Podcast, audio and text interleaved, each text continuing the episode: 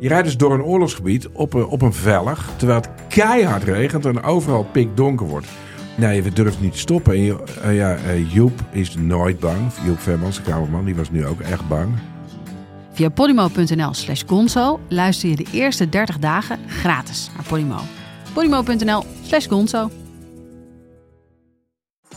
De strijd om de miljoenen van Siewert van Liende is losgebarsten. Zowel de staat als zijn stichting eisen de mondkapjeswinst terug.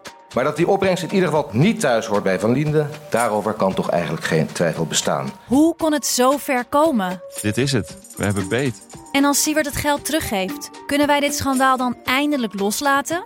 Je hoort het in de Mondkapjesmiljonairs, exclusief bij Podimo. Ga naar podimo.nl slash mondkapjes.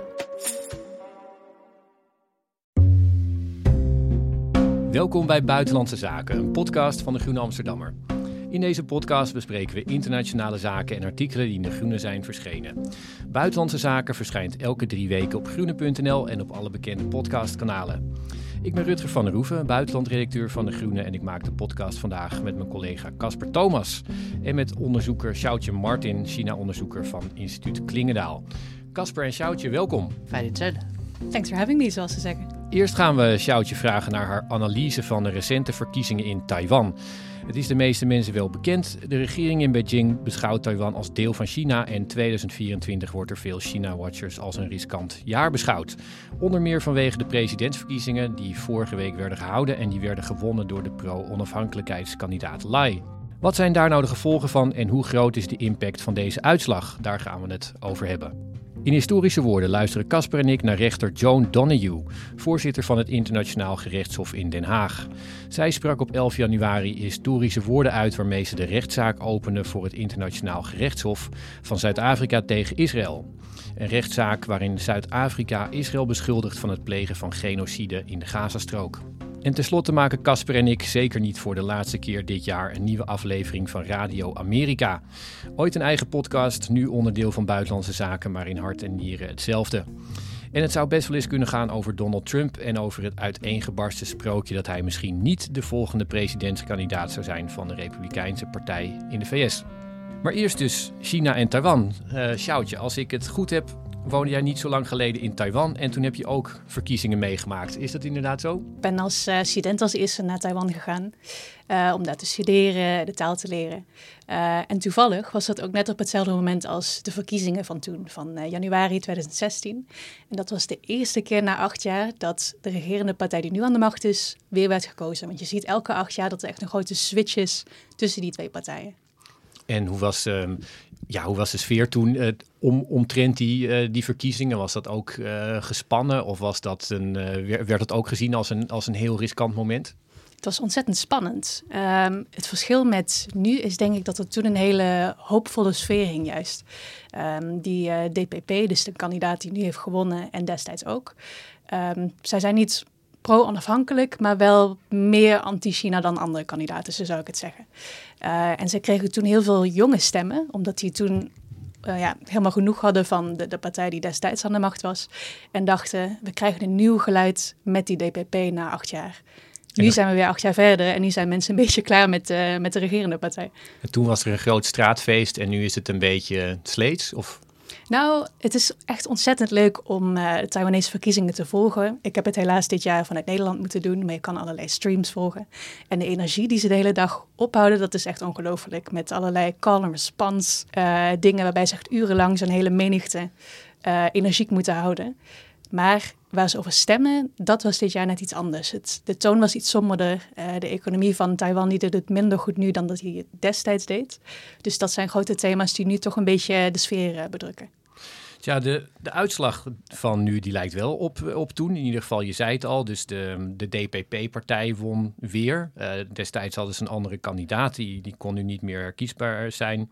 Maar er is weer een nieuwe on, pro-onafhankelijkheidskandidaat gekozen. Is dat dan, ehm, is daarmee, zeg maar, ga, gaat Taiwan op dezelfde voet verder? Nou, deze kandidaat, eh, die was dus de vice-president onder de vorige president. Dus inderdaad, zijn boodschap was, ik zal voortzetten wat onze vorige president uh, Tsai Ing-wen eh, heeft gedaan. Een hele stabiele koers zal ik blijven voortzetten. En als je dus wil weten welke kanten op gaan, dan moet je op mij kiezen. Want ik zal gewoon voortzetten wat we de komende of de laatste acht jaar hebben gedaan. Dat maakt het ook een beetje lastig, want juist het binnenlandse beleid, wat dan niets met China te maken heeft, maar wel met de economie, daar was de DPP dus niet zo succesvol in. Uh, die DPP, dat staat voor uh, Democratische Progressieve Partij. Dus ze zijn meer liberaal, meer groen. Um, maar ja, de beloftes die ze hadden gegeven aan hun uh, bevolking: van wij gaan zorgen dat die economie weer goed komt, wij gaan zorgen dat de bestaanszekerheid verbetert, dat is niet zo goed gelukt. En, en kunnen we dan ook daar de, de conclusie uittrekken dat buitenlandse onderwerpen, en met name dus de, de verhouding met China, dat dat een belangrijker verkiezingsthema was voor veel kiezers dan, dan binnenlandse onderwerpen? Niet belangrijker, maar net, uh, net minder belangrijk. Uh, er waren ook nog twee verkiezingen in Taiwan. Je had de verkiezingen voor de president en ook nog de verkiezingen voor de, het parlement. En in het parlement heeft die regerende partij dus een meerderheid verloren, juist door die binnenlandse verkiezingen. Maar door de blik op China hebben ze het presidentschap wel nog kunnen behouden. En dat is echt historisch. Het is de eerste keer in de hele Taiwanese geschiedenis dat ze drie keer achter elkaar uh, dat presidentschap kunnen winnen. En wat levert dat dan op, zo'n zeg maar, zo'n scheve verhouding als het ware? Dus wel het presidentschap in handen, maar geen meerderheid in het parlement. Wat, zijn de, wat, wat, wat, wat voor gevolgen gaat, gaat dat hebben? Ja, heel kort. Uh, grote chaos, politieke chaos. Um, je, kan je, ja, je kan het een beetje vergelijken met zoals de Nederland met zijn coalitie bouwen gaat. Uh, in Taiwan is er nu geen meerderheid van een enkele partij. Uh, er zijn drie grote partijen in het parlement. En de regerende partij die heeft 51 zetels. Uh, de oppositiepartij heeft 52 zetels. En dan is er ook nog een derde populistische partij, die een beetje de, de kingmaker zal zijn. Want zij hebben acht zetels en met die acht zetels kan je een meerderheid krijgen. Dus die derde populistische partij die positioneert zichzelf nu een beetje van, ja, wat kunnen jullie mij aanbieden? Wat, uh, wat kunnen jullie mij geven om te zorgen dat ik aan jullie kant sta? Ja, want dat, uh, als ik het goed heb begrepen, is dat een um, ja, charismatische professor, die, waar, waar veel mensen door worden aangetrokken, maar die niet zo'n heel scherp omlijnd programma heeft. Het, dat, het valt nog in te vullen, als ik jou goed begrijp, of niet? Ja, het is een echte, een echte populist. Hij is hiervoor ook nog uh, dokter geweest. Daarna een hele lange carrière in de. Uh, politiek. Maar de uitspraken die hij door de jaren heen heeft gehad, die spreken elkaar allemaal tegen. Hij is ook een beetje controversieel omdat hij allerlei seksistische dingen heeft gezegd. Dus het is een, uh, ja, een, een, kleurrijke persoonlijkheid, zal ik maar zeggen.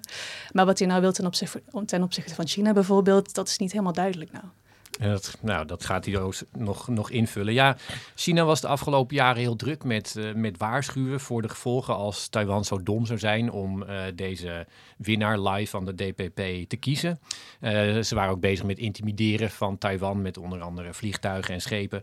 Um, hoe ziet China deze uitslag, denk je? En wat zullen de gevolgen zijn van het um, China's Taiwan-beleid? Ja, ik maak altijd een verschil tussen de, de korte en de lange termijn. En op de lange termijn blijft die trend een beetje hetzelfde.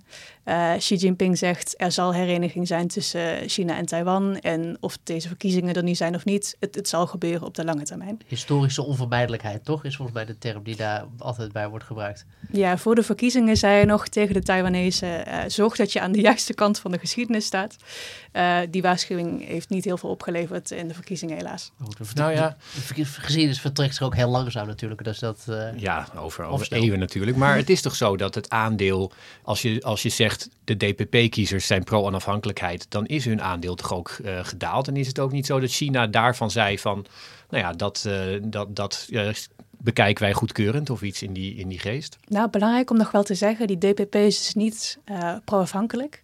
Maar zij zeggen, in de praktijk is Taiwan gewoon onafhankelijk. En we, we, we, roepen het niet formeel uit. Maar in de praktijk, we hebben gewoon een leger, we hebben een eigen paspoort, we hebben onze eigen verkiezingen. Dus ja, ja, in de praktijk zijn onafhankelijk. Maar als zij nou die formele afhankelijkheid, uh, onafhankelijkheid zouden verkondigen, dat is echt gewoon een oorlogsverklaring aan, Taiwan, aan uh, China. Dus zover gaan ze niet. Ja. Um, en... Maar ja, hun re resultaten zijn niet zo goed als dat ze hadden gehoopt uh, in het parlement. En dat Chinese beleid dan? Dus um, nou ja, zij, zij hebben in ieder geval niet een. hun, hun, beste scenario was de overwinning van de Kuomintang. Um, die ook één China wil, dan, uh, nou ja, die, die populistische professor was dan een, beetje keus nummer twee, als ik het goed begrijp. En, uh, en nu is het slechtste scenario die weer die partij die eigenlijk soevereiniteit wil behouden voor Taiwan. Hoe, hoe gaat dat uh, Chinese beleid, hoe, hoe wordt dat daardoor beïnvloed, denk je, ten opzichte van Taiwan? Ja, stel nou dat die nationalistische partij had gewonnen. Uh, die is dus niet voor uh, hereniging met China, dat is belangrijk om te noemen. Taiwanese die, die stemmen daar gewoon niet meer voor. Maar die is wel uh, voor vriendelijke relaties met Beijing. Bijvoorbeeld meer economische samenwerking, meer politieke uitwisseling. En Beijing zou dat wel willen met die nationalistische Kuomintang, maar niet met de regerende DPP. Dus vandaar ook dat uh, die Kuomintang, de nationalisten, de, de voorkeurspartij zijn van Beijing. Ja, wat China op de lange termijn dus zegt is, hereniging die komt er sowieso wel. Op de korte termijn uh, beïnvloedt die verkiezingen dus wel de tendens tussen China en Taiwan. Uh, de toon in de relatie. nu die DPP heeft gewonnen, zal China zich wat sterker opstellen. Zal het bijvoorbeeld sterker of um, meer militaire acties richting Taiwan uitvoeren om een punt te maken. Uh, wat je ook bijvoorbeeld direct na de verkiezingen zag, is dat Taiwan een van zijn diplomatieke partners verloor aan China. Uh, nu heeft het er nog maar twaalf, omdat Nauru uh, is overgestapt naar China. Stel nou dat die andere partij had gewonnen, die nationalistische Kuomintang, dan had China gezorgd dat het niet was gebeurd, denk ik. Dus dit was weer zo'n teken om te laten zien van, nou ja, jullie kiezen ervoor om deze kant uit te gaan. Dus dat betekent voor meer spanningen op de korte termijn. Tja, toch heb jij, jij hebt onlangs een, uh, uh, een opinieartikel geschreven. Daarin, daarin schreef je dat, dat jij niet verwacht dat die invasie er ook echt op, ja, op korte termijn gaat komen. Waarom, waarom is dat? Ja, dat blijft toch nog het goede nieuws. die verkiezingen zijn dus belangrijk op het moment, voor de korte termijn. Uh, in de lange termijn blijft er gewoon een conflict tussen China en Taiwan. China wil hereniging, Taiwan heeft daar geen zin in. Uh, als je kijkt naar de opiniepeilingen bijvoorbeeld van de laatste tijd, zie je dat de meeste mensen daar niet voor zijn. Uh, dus die spanningen blijven. Um, op de korte termijn is het echter nog steeds niet logisch voor China om Taiwan binnen te vallen. logisch ook omdat ze het nog niet zouden kunnen. Uh, militair hebben ze nog niet de capaciteit, de capabiliteit om zo'n invasie uh, uit te voeren en om dat dan vol te houden. Uh, op de langere termijn kan het misschien dat het wel op een gegeven moment zo is. en er zijn allerlei admiraals die dan zeggen: ja, in 2027 dan is het zover. Je kan voor elk jaar wel eentje vinden die zegt dat het dat jaar het jaar wordt. en belangrijk daarbij te zeggen is dat dat dan Stelt nou dat China Taiwan zou binnenvallen. Dat gaat dan niet over de militaire balans, maar over de politieke balans ook. Dus wat zijn de politieke gevolgen uh, van zo'n invasie? Uh, nadat het natuurlijk moeten ze het eerst kunnen. Uh, maar wat zou Amerika doen? Wat zou de Europese Unie doen? Wat doet Japan? dus het hangt heel erg af ook van die verkiezingen later dit jaar van Amerika welke kant we op gaan. Ja, ik heb de indruk dat Amerika met deze verkiezingsuitslag eigenlijk best tevreden was. Uh, maar jij weet het beter dan ik, maar die, de DPP is volgens mij voor goede relaties met Amerika. En, en is ook wel blij volgens mij met de, de laten we zeggen, de Amerikaanse hand boven het hoofd een beetje. Dus, en tegelijkertijd, er lijkt dus niet echt iets heel fundamenteel te veranderen ten opzichte van misschien voor de verkiezing in de verhouding tussen China en, en Taiwan. Dus volgens mij zijn de Amerikanen wel blij dat het, dat het ongeveer een beetje de, de, de, de status quo zoals die was een beetje blijft. Ja, ze weten welk vlees ze in de kuip hebben. En China is daar niet blij mee, Amerika natuurlijk juist wel. Omdat ze uh, de richting die Taiwan opgaat, die ondersteunt uh, Amerika ook heel erg. Bijvoorbeeld door het uh, leveren van wapens, door het uitspreken van steun. Steeds explicieter en explicieter, dat zie je echt de laatste paar jaren dat dat is toegenomen. Maar is het nou zo dat als jij kijkt naar het afgelopen jaar, toen waren er opeens echt urgente waarschuwingen in de herfst, als ik me meen te herinneren, van nou, eh, China lijkt nu echt opeens bewegingen te maken richting invasie. Amerika was natuurlijk druk met um, eerst Oekraïne, later ook nog uh, Israël, nu nog ondertussen met die Houthis. Maar dat, dat verdampt dan kennelijk. Was dat dan uh, toch een soort intimidatie van China en, en niet meer? Het was intimidatie en het oefenen van een economische blokkade. Dus dat is een heftig scenario, maar net iets minder heftig dan een volledige militaire invasie. Uh, dat China Taiwan zou omsingelen met schepen en zou zorgen dat er niks van en naar Taiwan zou kunnen komen. Uh, dat blijft ook nog steeds een heel extreem scenario. Stel dat dat nou zou gebeuren, dan zou dat meer dan 2 biljoen schade aan de wereldeconomie veroorzaken, uh, volgens Rhodium Group. En dus ook schade voor China, omdat die nog steeds zo geïntegreerd is met de wereldeconomie. Um, hierbij zeg ik ook altijd meteen uh, dat het niet logisch is, betekent helaas niet dat het niet gebeurt, zoals we bij uh, Poetin en Rusland hebben gezien. Ja, nou, jij bent ook in, in China geweest afgelopen jaar, als ik uh, goed heb. Um, wat zijn nu, uh, als je met, met mensen praat daar, met zeg laten we even zeggen, jouw tegenhangers, mensen in de academische wereld of in de overheid. Hoe uh, kijken zij aan tegen, tegen, laten we zeggen, het dossier Taiwan? Nee, het was een ontzettend interessante reis naar China. Uh, die was georganiseerd door het Chinese ministerie van Buitenlandse Zaken. Um, en in een programma hadden zij allerlei bezoeken aan bedrijven, uh, aan academische instituten, um, aan politici en aan overheidspersoneel. Dus daar hadden we gesprekken, maar die gesprekken waren wel altijd in een ontzettend grote groep. Waar iemand van het ministerie bij was. Dus ik hoop dat ik een volgende keer terug kan gaan om met mensen één op één te praten. Om dan natuurlijk net iets opener te kunnen praten. Maar, maar lieten zij doorschemeren van, ja, die Taiwanese moeten uh, op een gegeven moment toch gaan inbinden, want ja, anders dan, uh, dan zullen wij jammer genoeg hun moeten gaan veroveren? Of um, wat, waren de, zeg maar de, de hints, de, de informele informatie die, die naar je toe werd gezonden op dat punt? Ja, ze waren er heel duidelijk over eigenlijk. ik was altijd een vervelende Europeaan die dan weer kwam van, hoe zit het met Taiwan? kunnen jullie daar iets over vertellen? En het antwoord was altijd: ten eerste, Taiwan is binnenlandse zaken, dus Europa heeft daar niks mee te maken. En als ik dan vroeg, um, een hele open vraag nog, wat kan Europa doen om die stabiliteit te bewaken uh, in de straat van Taiwan? Best een open vraag, vond ik zelf, niet aanvallend.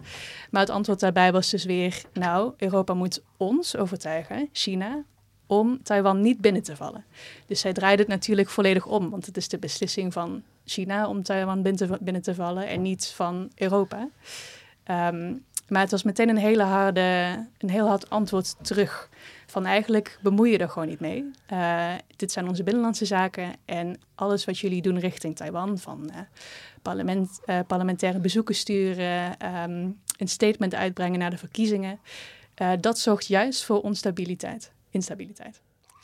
Tja, en dan Japan. Jij noemde het, het land kwam, kwam één keer heel kort voor, voorbij. Maar um, Japan heeft kennelijk ge, geconcludeerd van, nou ja, China heeft, um, heeft echt ja, snode plannen met, met Taiwan. We moeten gaan herbewapenen. En heeft dat het afgelopen jaar besloten om een, om een groot herbewapeningsprogramma te doen. waren daar in, in China nog zorgen over? Of zeiden mensen daar, daar iets over, over Japan of niet? Nou, grote zorgen ook over Japan inderdaad. En um, ook het beeld dat er in uh, het Westen, zeg ik dan, uh, niet objectief over Taiwan gerapporteerd werd, omdat we uh, bondgenoten zijn of vriendelijk tegen elkaar. En er werd er bijvoorbeeld gevraagd, ja, ik hoorde dat er in Europa niks wordt gezegd over de kernreactor Fukushima. En dat er allerlei water nu in de, in de oceaan wordt losgelaten, waar China heel veel ophef over heeft. Dat is gewoon niet zo. Dus we konden als Europeanen dan meteen zeggen, nou, um, zo werkt de media bij ons niet. Dat werd wel gewoon besproken. Maar er was het heel duidelijk dus echt een anti-Japans sentiment ten opzichte van de overheid in ieder geval. Niet per se ten opzichte van uh, de bevolking. Nou, dat is in ieder geval, um, laten we zeggen, uh, uh, goed nieuws voor, voor de korte termijn. Op de lange termijn um, weet je nog niet of, het, of dat allemaal goed en, en vreedzaam gaat uitpakken voor, voor Taiwan en China. Uh, ik had je voor deze podcast had ik je, had ik je gevraagd of je um, een, een boek of een, of een artikel kon, kon noemen en over kon nadenken waar je de afgelopen maanden ja, wat, je blik op China of Taiwan heeft beïnvloed. En je noemde toen het afscheidsessay van uh, Gary van Pinksteren. Zij, zij was, uh, nou ja, ik denk wel twintig jaar of langer correspondent van de NRC in um, in Beijing. Heeft daar ook gewoond sinds de jaren tachtig. Waarom was dat, uh, dat afscheidsessay voor jou een, um, ja, laten we zeggen, een eye-opener? Of waarom zet je, je dat zo aan het denken? Ja, ik vond het heel mooi om te lezen. Zij schrijft over haar jarenlange ervaring als journalist in China. Uh, ik zelf ben natuurlijk nooit als journalist in China geweest. Ik ben altijd als onderzoeker daar geweest, uh, of voor mijn werk of voor vakantie. Dus dat is gewoon een hele andere blik. Uh, zij kent ook het China dat ik niet heb gekend, het China van de jaren tachtig, uh, waarin een hele andere um, sfeer nog hing. Uh, dus het is heel interessant om te zien hoe zij die veranderingen door de jaren heen ziet.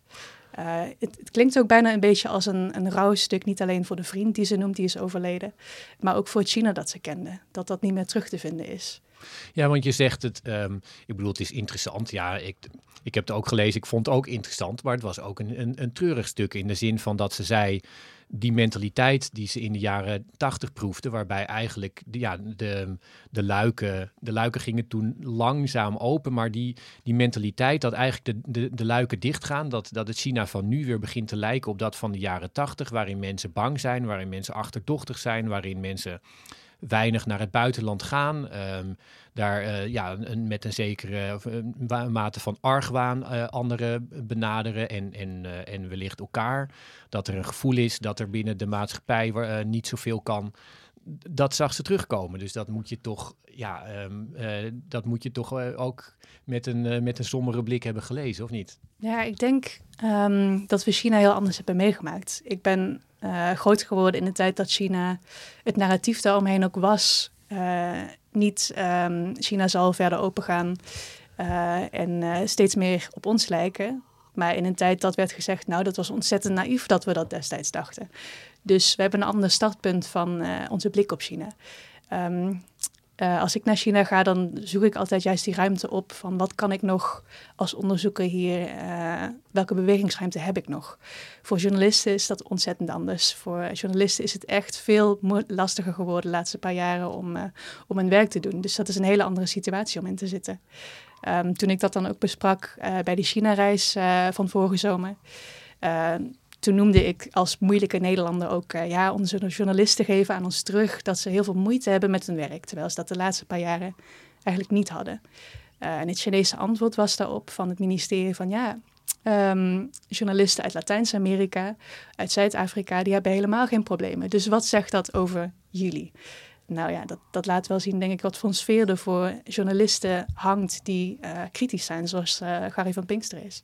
En, maar hoor jij hetzelfde sentiment dat mensen, niet alleen journalisten, maar andere Europeanen ook zeggen in China van, nou ja, de, de mensen lijken me gewoon met meer achterdocht te benaderen dan, dan een aantal jaar terug? Ik um, ben niet lang genoeg in China geweest, denk ik, om daar uh, iets, iets fatsoenlijks over te kunnen zeggen. Um, ik merkte dat er veel blijdschap was dat er weer buitenlanders naar China gingen. Uh, en dat na daar, COVID. Uh, na COVID, inderdaad. Maar die jaren in COVID dat je in China hebt gezeten, uh, dat Gary van Binkster in China hebt gezeten, dat, dat zal echt verschrikkelijke jaren zijn geweest. Ja, en zij, zij schreef ook dat veel Chinezen um, ondertussen het gevoel krijgen van, tja, het is jammer, maar een, een, een, een oorlog met de Verenigde Staten, die is onvermijdelijk op termijn. En um, ja, het is, uh, wij, willen dat natuurlijk niet, maar um, dat lijkt er gewoon toch wel van uh, te moeten gaan komen ergens in de toekomst. Is dat een sentiment wat jij ook hebt, uh, hebt gezien of gehoord? Nou, opinieonderzoek in China, dat is lastig natuurlijk, dus dat, dat gaat helemaal niet.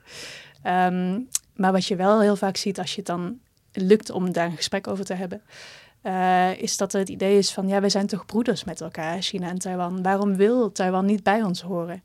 Uh, en ik denk, stel dat er het geval is dat er echt inderdaad escalatie is van die spanningen. En dat er dus foto's en beelden zullen zijn van Taiwanese die op Chinezen lijken, die uh, sterven, die omkomen, dat dat het heel heftig zal zijn, ook voor de, de, voor de Chinese bevolking. Um, dat zal veel impact hebben. En dat is ook een reden voor China om niet snel zo ver uh, die kant op te gaan. En het gevoel dat, dat een confrontatie met de Verenigde Staten onvermijdelijk is, is dat iets wat je herkent of niet? Uh, het gevoel dat uh, China zal winnen. Dat China on top zal zijn. Dat is onvermijdelijk inderdaad voor velen. dat is veel meer nationalisme dan, dan, dan de jaren hiervoor. Ja, nou en, en um, Taiwanese, in ieder geval is het zo dat, dat na deze verkiezingen kunnen ze weer gewoon met um, de veerboot over. En um, ja, de invasie is niet aanstaande, maar de, de betrekkingen over en weer, die zijn dus in ieder geval voorlopig wel weer op een normaal pijl terug. Klopt dat? Nou, het normale pijl dat er nu is, wat nog steeds heel veel spanning is. En uh, economische sancties heen en weer. En militaire uh, uh, acties van China. Dus dat blijft helaas. Maar het zal nog niet heel snel echt heel veel erger worden. Nou, ik, ik dacht, ik, ik eindig op een positieve noot, maar... Uh... Anders heb ik nog wel een positieve noot. Dit is geen setup, maar ik denk dat we dit alvast wel in deze editie van uh, Buitenlandse Zaken kunnen verklappen. Het ging over het afscheidsessay uh, van Gary van Pinksteren uh, in de NRC. Um, maar? Maar, zoals de zaken nu naar uitzien, zal Gary van Pinksteren terugkeren als buitenlandcolumnist bij de Groene Amsterdammer. Dus Zeker waar. Dus ehm, zij is niet verloren voor de Nederlandse journalistiek en ze zit ook nog steeds in Beijing. Dus zij blijft eh, schrijven vanuit daar. ja, dus eh, als het goed is ergens in de loop van het jaar... eh, aan, het- aan, ja, vrij binnenkort al volgens mij de eerste column eh, in onze buitenlandrubriek. Lees het in de Groene Amsterdammer. Ehm Sjoutje, ontzettend bedankt voor je tijd hier. En ehm, ik hoop je hier weer terug te zien in de podcast. Veel dank.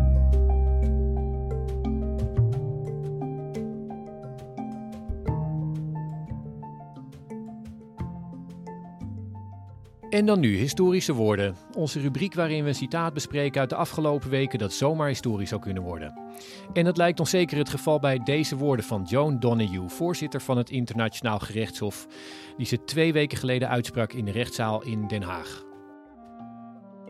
The court meets today and will meet tomorrow under Article 74, Paragraph 3 of the Rules of Court to hear the oral observations of the parties on the request for the indication of provisional measures submitted by the Republic of South Africa in the case concerning application of the Convention on the Prevention and Punishment of the Crime of Genocide in the Gaza Strip, South Africa versus Israel.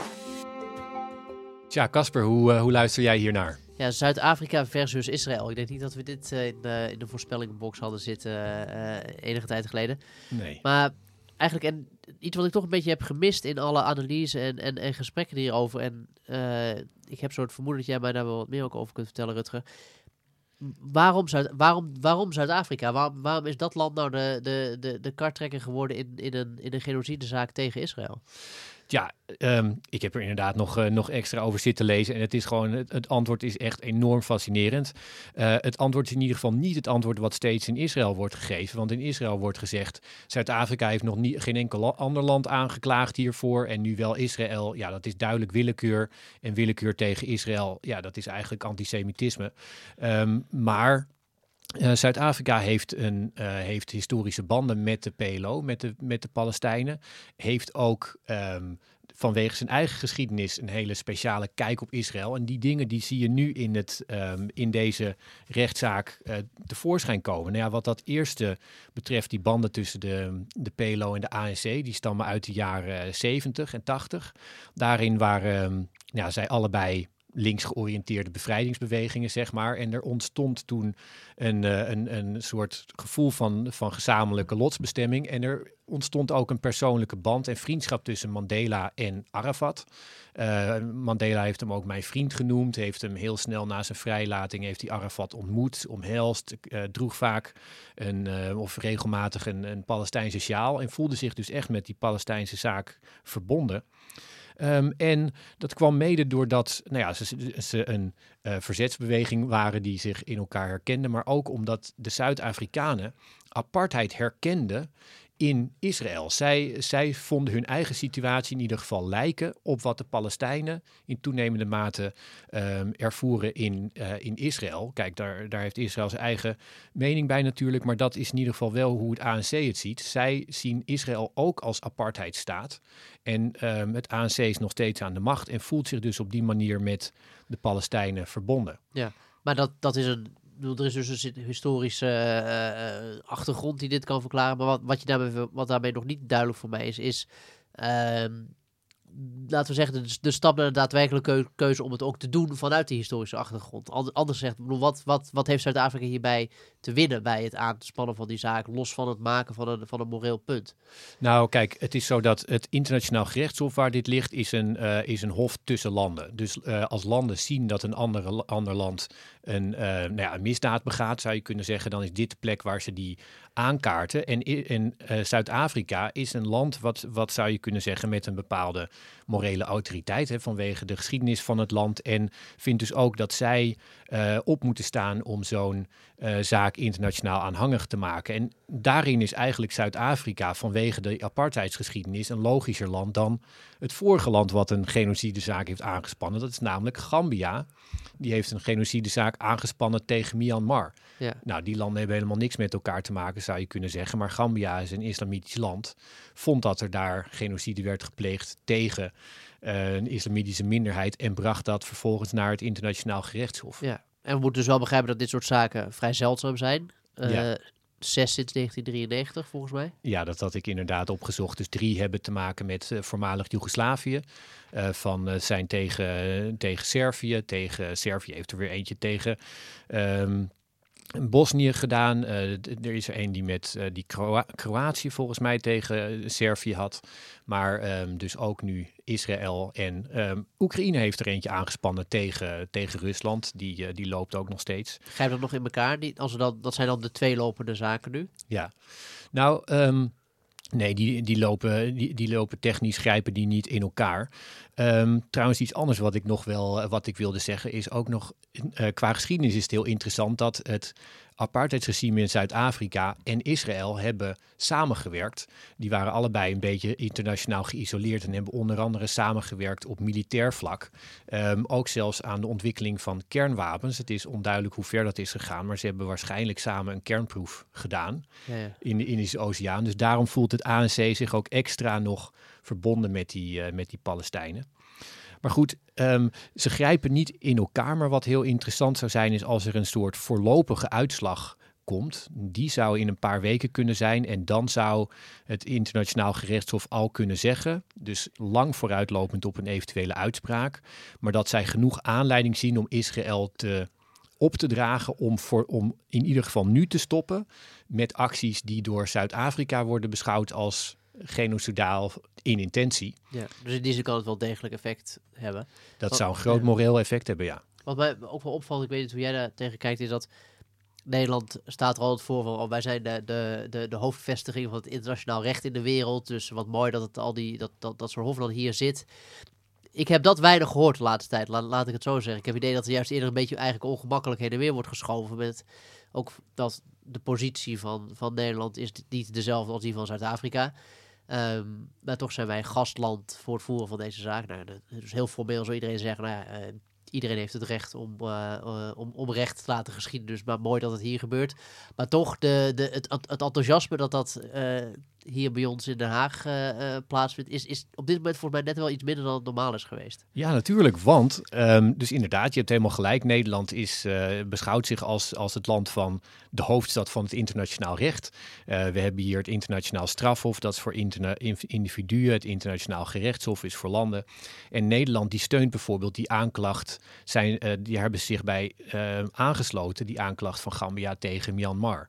Dus Nederland vindt dat ook belangrijk, maar zit in zijn maag met de positie. Want nou ja, er was vorige week een, een Kamercommissie die praatte over, over deze zaak van Zuid-Afrika tegen Israël. Met sommige partijen die eisten dat Nederland uh, Zuid-Afrika zou veroordelen. En andere partijen die eisten dat Nederland zich bij de zaak zou aansluiten. Dus ja, we weten. Ja, dus keer zijn we ook als land zelf wat verdeelder over uh, ons gastheerschap. Als, uh, ja. Want ik denk niet dat we die discussie hadden gehad als dit in Brussel had plaatsgevonden. Ik noem maar wat. Dan hadden we ons misschien minder geroepen gevoeld om er een standpunt over ja, in te precies. nemen. Maar uh, ja, dat zal Nederland. dus ik denk dat Nederland dat gaat, gaat vermijden. Maar um, ja, het zou in ieder geval als deze, uh, die uitspraak laat zich nog, uh, nog jaren op zich wachten. Maar als er een voorlopige uitspraak komt, of zeg maar zo'n zo'n uitspraak binnen een paar weken, dan zou dat toch denk ik wel effect hebben voor die oorlog in Oekraïne, waar je net naar vroeg. Omdat dan veel landen zouden kunnen zeggen: ja, wacht even. Je kunt niet zeggen dat de wereld. Um, het Westen, samen met het Westen, het, uh, het breken van internationaal recht in Oekraïne uh, te vuur en te, te zwaard moet gaan bestrijden.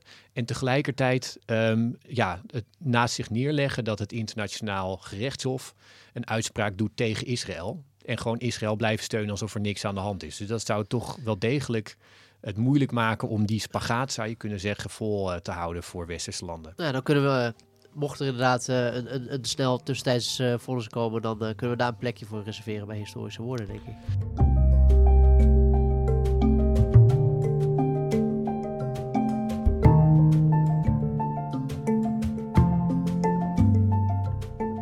En dan nu de Verenigde Staten. Nou, het startschot voor verkiezingsjaar 2024 is gegeven in Amerika. In de bittere kou van Iowa, waar de eerste ronde van de voorverkiezingen plaatsvond. Daar werd duidelijk dat Trump inderdaad de gedoodverfde republikeinse kandidaat is. Of zijn er toch nog obstakels in zijn pad naar het presidentschap? Uh, sorry, naar het kandidaatschap voor het uh, presidentschap. Buitenlandse Zaken keert terug naar het begin en wordt opgezette tijden weer eventjes Radio Amerika. We gaan de erop of eronder verkiezingen in de VS dit jaar natuurlijk nauw volgen. En vandaag dus de aftrap waarin we terugblikken op de eerste voorverkiezingen en vooruitkijken naar wat het jaar gaat brengen.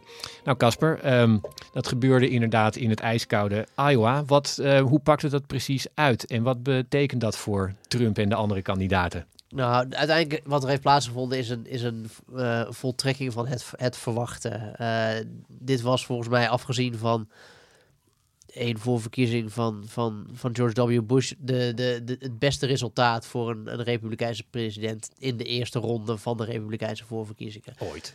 Ooit, ja. Dus um, voor zover er iemand ergens nog een beetje hoop koesterde of wat verwachtingen had van ja, weet je, misschien valt het toch tegen hoeveel mensen uiteindelijk daadwerkelijk, hoe republikeinen moeten we zeggen, echt daadwerkelijk voor Trump komen opdagen. Misschien valt het nog wel tegen.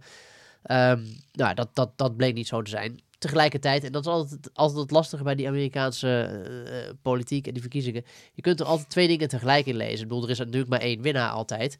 Um, maar ongeveer de helft van de, de, de Republikeinen in Iowa die stemden voor Trump als presidentskandidaat. Maar dan kun je ook zeggen, ja, de helft van, die, van de helft van de Republikeinen in die staat, en we hebben het hier over een behoorlijk conservatieve staat, uh, let wel, die wilden toch liever iemand anders, namelijk Ron DeSantis of, of Nikki Haley.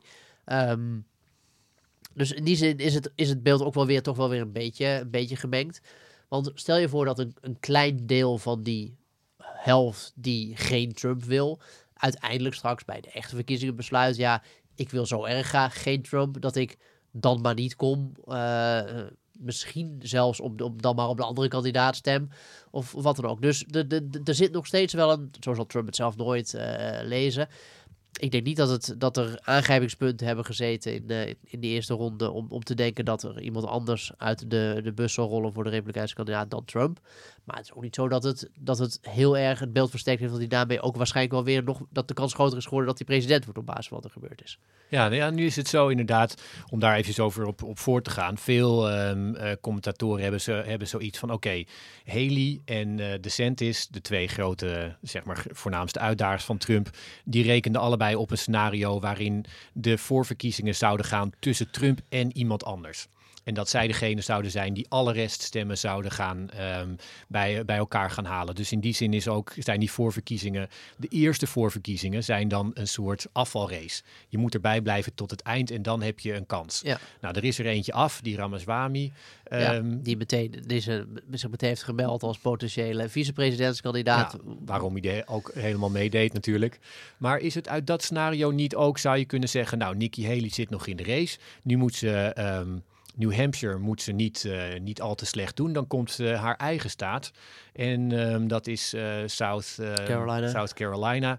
Als ze die misschien wint, dan is de race toch weer open. Of, of denk je dat dat onwaarschijnlijk ja. is? Ja, kijk, lastig is, we nemen deze podcast nu op, op tussen Iowa en New Hampshire in, als het ware. Dus een deel van de luisteraars die zullen denken, ja, waar, waar, waar, waar hebben jullie het over? Um, het punt was dat Haley het slechter deed in Iowa dan gepland. Ze dacht, iedereen dacht, of iedereen, het idee was toch dat Haley het weer beter zou doen dan DeSantis. DeSantis deed weer net iets beter dan Haley. Punt blijft wel dat als uh, uh, het deel van de Republikeinse partij, het electoraat en hun potentiële kandidaten, dat Trump niet wil, zich zou verenigen, ja, dan zou, dan zou, dan zou het ergens over gaan. Dan zouden ze een kans maken. Maar zoals het... Uh, Trump heeft baat bij een enigszins verdeelde Republikeinse partij. Hij trekt in een, in een, in een goede staat uh, de helft van het kiezerspotentieel. En op het moment dat de rest, met, dat de rest moet worden verdeeld over een aantal anderen, dan blijft er inderdaad weinig over. En is zijn voorsprong gewoon enorm.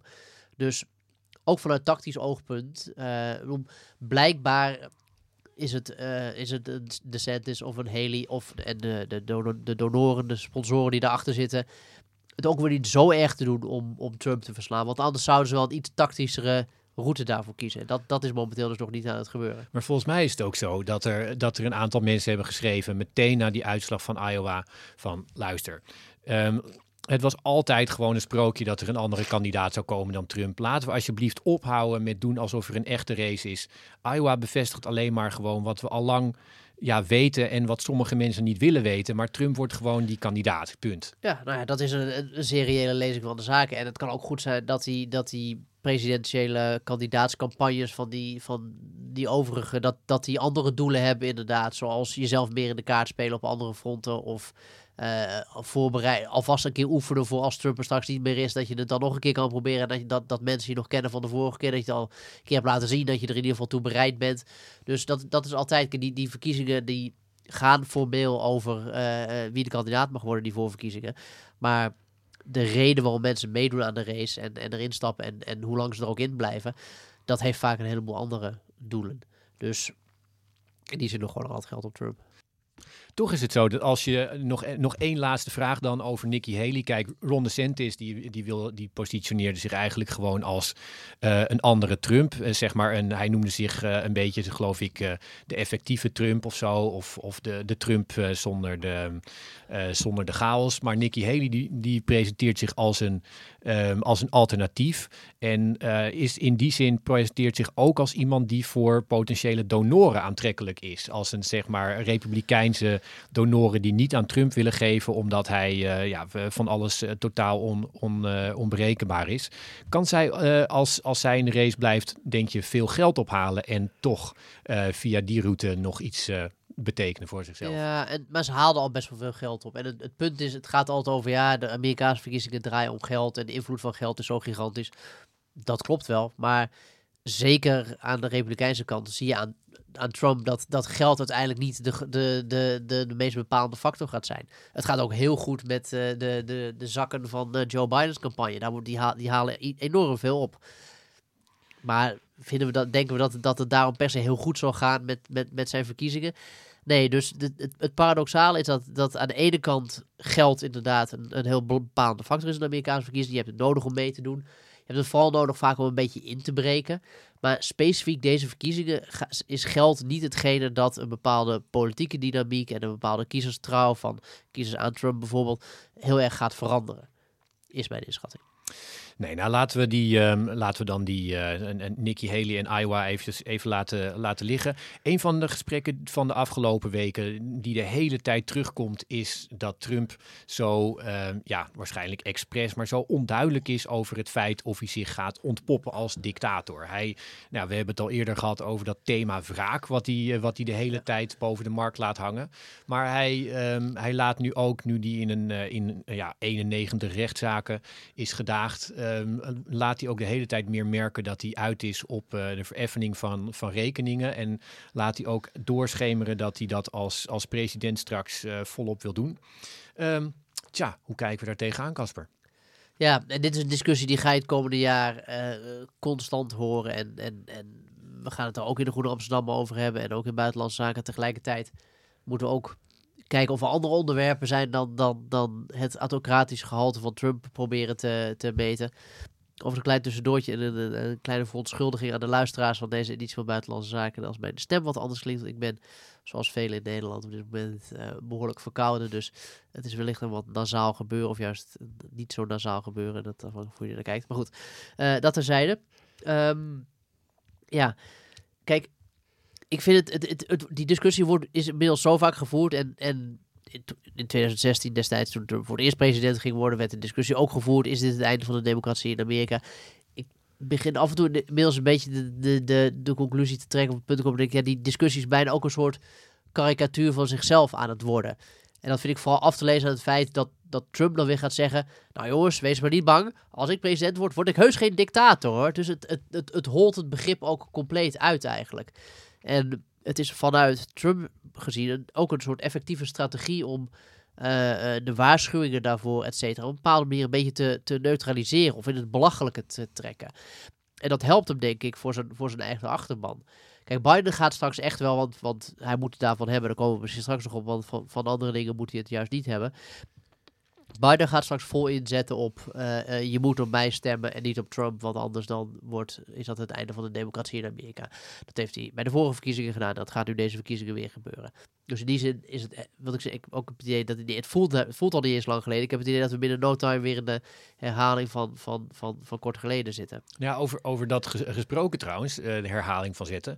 Uh, wij hebben allebei een, artikel ge, gelezen of, of interactief gelezen op de New York Times, waar, um, waarin de, de New York Times lezers langs de uitspraken vonden, konden scrollen van mensen die voor Trump hadden gewerkt in het Witte Huis. Nou, de een vond hem nog incapabeler en, uh, en, en en dommer uh, dan de ander. Maar als je dat soort uitspraken gaat, gaat aanhalen, ja, dan zegt uh, toch gewoon een, een bepaald publiek, ja, zie je wel, dat hebben we altijd al geweten. En een ander publiek, die haalt er zijn schouders over op. Ik bedoel, het is toch... Nou ja, dat is, het, die, is de discussie is ook een beetje, niet zozeer karikaturaal aan het worden, maar een beetje uh, sleets aan het worden. En tegelijkertijd moet je blijven voeren, want het is iets heel serieus en een niet te onderschatten risico. Maar de mensen die dit vinden, uh, die, die vinden dit. En die hebben wat mij betreft ook gelijk dat dat, dat, dat gevarieerd is. En de mensen die het niet vinden, die gaan er echt niet anders over denken. Ook al tekent de New York Times op, weet ik veel uit. Uh, helpt je aan herinneren dat uh, Mark Milley, de voornaamste chief of staff van de Amerikaanse strijdkrachten, Trump een, dictator noemde. Of dat, dat John Kelly, zijn, zijn voormalige chief of staff, iemand, Trump noemde iemand die bewondering heeft voor dictators en, en autocraten. Ja, dat, dat, dat Trump in die hoek zit, dat, dat uh, en, maar goed, de, de nieuwe trap van die de New York Times in dit geval gevonden was, zie je wel, zelfs zijn eigen mensen zeggen het. Maar de enige belangrijke vraag die telt is, wat vinden de, de, de Amerikaanse kiezers, en met name de, dit moment dus de Republikeinse kiezers bij de voorverkiezingen. En daar zie je dat, dat dit vraagstuk niet speelt. Ja, nou, het stond ons ook af kennelijk. Want ik bedoel, als je gewoon sec naar al die uitspraken kijkt, dan denk je, hoe is het in vredesnaam mogelijk dat er een president is geweest die door bijna unaniem door zijn ex-werknemers zo gevaarlijk en incapabel wordt gevonden. En wij zelfs halen ons schouder erover op en zeggen, ja ach, dat uh, niemand die, die trekt zich daar verder wat van aan van deze opsomming. Nee, dat klopt. Maar goed, de vraag, en dat is dan in die zin wel weer interessant. De vraag hangt ook, is ook verweven met een aantal van die rechtszaken waar Trump in verwikkeld is. Uh, de rechtszaken? De daar, daar wilde ik je net over vragen, Casper. Want um, uh, we hadden een, uh, er, zijn twee rechtszaken geweest waarin, waarin staten um, Trump van het stembiljet hadden gehaald. Omdat zij, uh, zij zeiden, ja, uh, die man heeft um, een bepaalde clausule uit, uh, of een bepaalde wet geschonden waarbij je niet opstand mag plegen tegen de VS. Dan mag je niet meer op het stembiljet staan. En een daarvan, Meen, heeft gezegd van nou, we wachten een uitspraak af van het Hoge Rechtshof daarover. Die gaat, um, denk ik, in februari komen. Dat gaat toch uh, behoorlijk uh, grote consequenties hebben dan, denk ja, de komende weken worden sowieso een, een belangrijke, week voor het, belangrijke weken voor wat het, het, Supreme Court gaat doen. Over andere over deze zaak. Want ze moeten inderdaad een, een, een uitspraak gaan doen. En dat moeten ze dus ook snel doen. Want dat moeten ze doen voordat uh, al die staten daadwerkelijk die voorverkiezing houden. Over de vraag of, of Trump daar wel of niet op het, op het stembiljet mag staan. En dan gerelateerd aan de vraag, en dat is de reden waarom in Colorado er niet op staat. Uh, daar is de wet zo uitgelegd dat er bestaat een wet die zei als je betrokken bent geweest tegen, bij een opstand tegen de Verenigde Staten, ik vat het even kort samen, uh, dan ben je niet meer geschikt om een, dergelijk ambt te bekleden. Nou, er zijn er allerlei discussies of het wel of niet voor de ambt van president geldt. Of wat Trump deed wel of niet geldt als een opstand. worden ook enorme pagina's en columns aange aangeweid door hele serieuze denkers. Zeggen ja, Nee, kijk, een opstand, daarvoor moet het toch nog wel net iets, had er net wel toch iets meer moeten gebeuren. Dit was meer een soort gelegenheidsprotest dat, dat heel erg uit de hand liep. Dus het ook, geldt wel voor een klerk, maar niet voor een president. Ja, weet je, en ja, daarom, dus de, ook daar is de discussie bijna weer, weer, weer karikaturaal. Uh, maar goed, daar gaat een vonnis uitkomen en dat, dat, dat, dat gaat belangrijk zijn.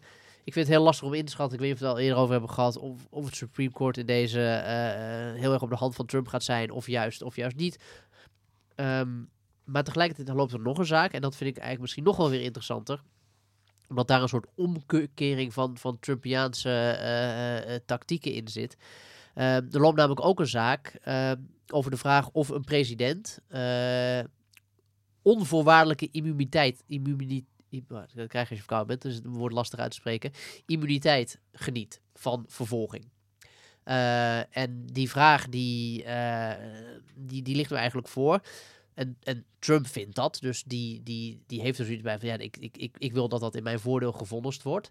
Maar het grappige is dat Trump eigenlijk wil dat de uitspraak over deze kwestie, uh, dat daar zo lang mogelijk over wordt gedaan als maar kan. Dus Team Trump is meer van de vertragingstechnieken, zou je kunnen zeggen. Het liefst wil hij dat over de verkiezingen heen tillen. Want dan kan hij misschien zelfs dit nog gewoon door zijn eigen uh, minister van Justitie op de nog langere baan laten schrijven. Want het punt is, stel dat um, het, het oordeel in zo'n zaak uh, nee luidt. Inderdaad, een, een, iemand die president is of ex-president die kan wel degelijk vervolgd worden. Dan gaat daarmee toch, laten we zeggen, de, de deur open voor een, een, een mogelijk uh, vonnis in al die andere zaken die lopen. En Het is ingewikkeld, maar ik denk dat ik het helder zo uitleg. Jack Smith, de openbaar aanklager, de, de speciale aanklager, die in, laten we zeggen, in opdracht van, van, van de federale regering Trump uh, uh, strafrechtelijk probeert te vervolgen voor het, het proberen te verstoren van de verkiezingsuitslag vaststellen bij de vorige verkiezingen. Die heeft gezegd, we moeten nu heel snel vaart maken met die zaak over die immuniteit. Want dat moeten we geregeld hebben, zodat, want dan, kan, dan kunnen we tenminste de, molen gaan draaien. Dus, en uh, daar is het, en dat is interessant, het Supreme Court is daar, uh, heeft daar oren naar. Die zegt inderdaad, we hebben de zaak aangenomen. Dat gaat heel snel komen, voor mij zit het ergens al in februari. Gaat het Supreme Court dus ook al zeggen, over de hele principiële kwestie, kan Trump, of een president, wel of niet vervolgd worden. Um, dus die vertragingstechniek die legt het eigenlijk af tegen de, tegen de zet van. En daar is het Supreme Court, doet dus, Supreme Court dus ook niet wat Trump wil. Dat wil ik hier maar even mee gezegd hebben. Dus het is ook niet gezegd dat in deze zaak, in, in wat er nog anders bij het Supreme Court terecht gaat komen, dat dat altijd maar op de hand van Trump is. Nee, ja, wat, wat ik inderdaad over hen uh, daarover lees, is dat deze rechters er allemaal op gebrand zijn om te laten zien dat zij geen uh, clowncourt zijn en dat zij wel degelijk onafhankelijk zijn. Ook ja. degene die door Trump zijn um, aangesteld. Dus nou ja, we, we, gaan het zien. Maar ja, wat gaat dat zijn? Gaat dat zijn, moeten ze dan juist heel technisch en procedureel vonnissen uh, en doen alsof het helemaal niet om Trump gaat, bij wijze van spreken? Of moeten ze juist heel goed naar het geval kijken? Weet je, dat, dat, ik, ik zie honderden en mogelijkheden om de manier waarop dat, dat Hof kan gaan vonnissen, dat dat toch iets is wat Trump niet gaat zinnen. Nee, en ik denk dat, dat zij raken sowieso uh, beschadigd. Dat, uh, dat, dat Hooggerechtshof door hier uh, iedereen die met Trump te maken heeft trouwens, die, die raakt beschadigd, maar zij zeker ook. Maar laten we het hebben ook nog even over de democraten, want ehm, ja, die sturen iemand uh, die, uh, die minstens evenveel levenservaring heeft als Trump uh, de arena in. Ja. En um, ja, de afgelopen weken er werd um, de hele tijd met toenemend schril gezegd van als we nog een andere kant op, op willen, dan is het echt nu het aller, allerlaatste moment. Nou, dat was twee maanden geleden. Ja. Er kan gewoon niet meer een andere kandidaat komen dan, dan, dan Biden. Um, nou ja, tenzij hij erbij neervalt. Ja, tenzij hij erbij neervalt. Maar uh, ja, hij denkt in ieder geval zelf dat, dat hij het, uh, het, het ook moet doen. En hij, hij wordt toch ook de, de kandidaat. Je had het net over zijn enorme oorlogskas. Maar je denkt toch ook, uh, jij vindt hem een hele zwakke kandidaat volgens mij. Nou ja, dat, maar dat vond ik eerder ook. En toen won hij toch van Trump. Dus ja, weet je, dat, dat, dat oordeel hangt ook weer, weer een beetje af van de dag, om het zo maar te zeggen. Dat, dat klinkt wat wispelturig, maar goed, zo is de politiek in Amerika ook. Um, maar ik blijf me er gewoon wel, net als denk ik iedere lezer, luisteraar, uh, doorsnee mens, gewoon over verbazen. Gewoon puur over de situatie zoals die is. Iemand die zo oud is, die zo overduidelijk fragiel is. Waarom, waarom Biden eigenlijk? Snap je? En die, dat is die vraag. En ik dacht, ik leg hem toch maar weer eens een keer voor aan iemand die daar, uh, zou je kunnen zeggen, voor heeft doorgeleerd. Of die er een studie van heeft gemaakt. Dus ik las eerst het boek. Uh, dat is eigenlijk een van de eerste Biden-biografieën van Biden als president die is verschenen is. Het heet The Last Politician. Het is geschreven door Franklin Fowler. En ik heb die man wel eens uh, uh, ontmoet in Washington. En hij komt binnenkort ook spreken in Nederland. Komt hij vertellen over dit, uh, over dit boek. En toen dacht ik, nou, ik, ik, ga, ik bel hem eens op en ik denk, checken van... Jij, hij heeft Biden heel erg op de huid gezeten. Hij heeft met honderden mensen binnen zijn regering gemaakt. Ik denk, als iemand moet weten waarom de, de Democraten in vredesnaam toch op Biden uitkomen, dan is hij het wel. En hij had allemaal goede uh, soort verklaringen van ja, ja, ja, eh, als een president één termijn doet, dan wil hij ook altijd een tweede. En uh, Biden zelf heeft er nog steeds wel zin in. En de, de zware buitenlandagenda uh, die, die, die, die, die inmiddels op zijn bordje heeft, die wil hij ook afmaken. Maar ik vond eerlijk gezegd dat geen van die antwoorden echt iets ophelderde over, uh, laten we zeggen, uh, waar, waarom de overduidelijke gebreken van Biden, als het ware, uh, toch zo makkelijk over, overheen gestapt Eigenlijk zeiden ja, het is gewoon een beetje wat het is. Dat is eigenlijk wat, wat hij zei.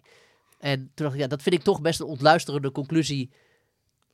Ja, nee, ja, kijk, je, je, je kijkt mij, mij nu aan, maar ik vind hem uh, niet een zwakke kandidaat. En, uh, maar ik heb ook niet gezegd dat een zwakke kandidaat is. Ik zeg, er zijn alleen bepaalde tekortkomingen die het erg lastig gaan maken. Ja, nee, dat, dat is zeker waar. Maar kijk, hij is, eh, wij, wij vroegen ons, eh, eh, toen, toen Jan-Peter Balkenende boven kwam drijven, toen kijk, keken wij ons in Nederland ook verbaasd aan van, hè, hoe, hoe kan dat nou weer? Maar later werd hij toch gezien als een, ehm, ja, vrij logische keuze na alle ophef en, en, en chaos, zou je kunnen zeggen, en, en, en angst van de jaren ehm, van, de, van de, de tijd waarin Fortuyn opkwam en werd, werd gedood. En hij bracht dan een bepaalde en, en representeerde een bepaalde mate van rust. En dat doet Biden na de jaren Trump natuurlijk ook. En het is alleen de vraag van ja, is zoiets dan niet uitgewerkt? En is het nog steeds het juiste antwoord?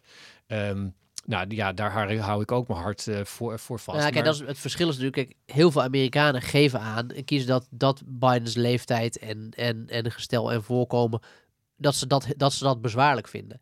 Eigenlijk zou, zeg maar, als je als, als je als een verjongingskuur zou bestaan en je zou in dit klimaat eenzelfde iemand als Biden of Biden, maar dan 20 jaar jonger naar voren schuiven, ja, dan was het een dan deal. Want, hij levert qua beleid, eh, eh, hij kan goed deals maken met de andere kant. eh, het is niet iemand die uit de hoogte praat. Het is niet iemand die van een topuniversiteit komt. Het, weet je, je kunt hem ook dus niet dat elitaire niet altijd aanwrijven. He ticks all the boxes. Alleen, alleen die leeftijd, dat is toch echt een kwestie. Tja, maar ik ga van, alle, van de hele redactie een, eh, een fles wijn winnen van iedereen individueel. Dus dan, dan hoort u dat nu, want ehm, Ja, maar ik, Ik, schrijf hem eh, nog niet af. ik heb gewoon ingezet op, eh, op Joe Biden en we gaan het, ehm, we gaan het zien over... Nou ja, dat zei Franklin Farmer zei ook nog van ja, kijk, er zijn een heleboel redenen waarom het nu heel slecht lijkt te gaan met Biden. Als het puntje straks bij het paaltje komt, moeten we nog maar even zien hoe het, eh, eh, hoe het daadwerkelijk voor staat. Dus we hebben nog een heel jaar voordat dat puntje bij het paaltje is. En dit was slechts Ja. de aftrap. Er was wel trouwens een analist, ik weet niet meer dat een oude, volgens mij was het zelfs Chris Christie, die had gezegd, de partij die het eerste zijn, ehm, eh, zijn kandidaat weet te dumpen wint. Dus ehm, nou ja, of als het de Republikeinen zijn en ze gaan door met Haley, of het zijn de Democraten en ze verzinnen een smoes waardoor ze. Joe Biden weg kunnen schuiven, dan eh, wordt dat de winnaar, dacht, eh, dacht hij. Maar ehm, wij gaan het in ieder geval in Radio Amerika en buitenlandse zaken volgen, Casper. Tot zover.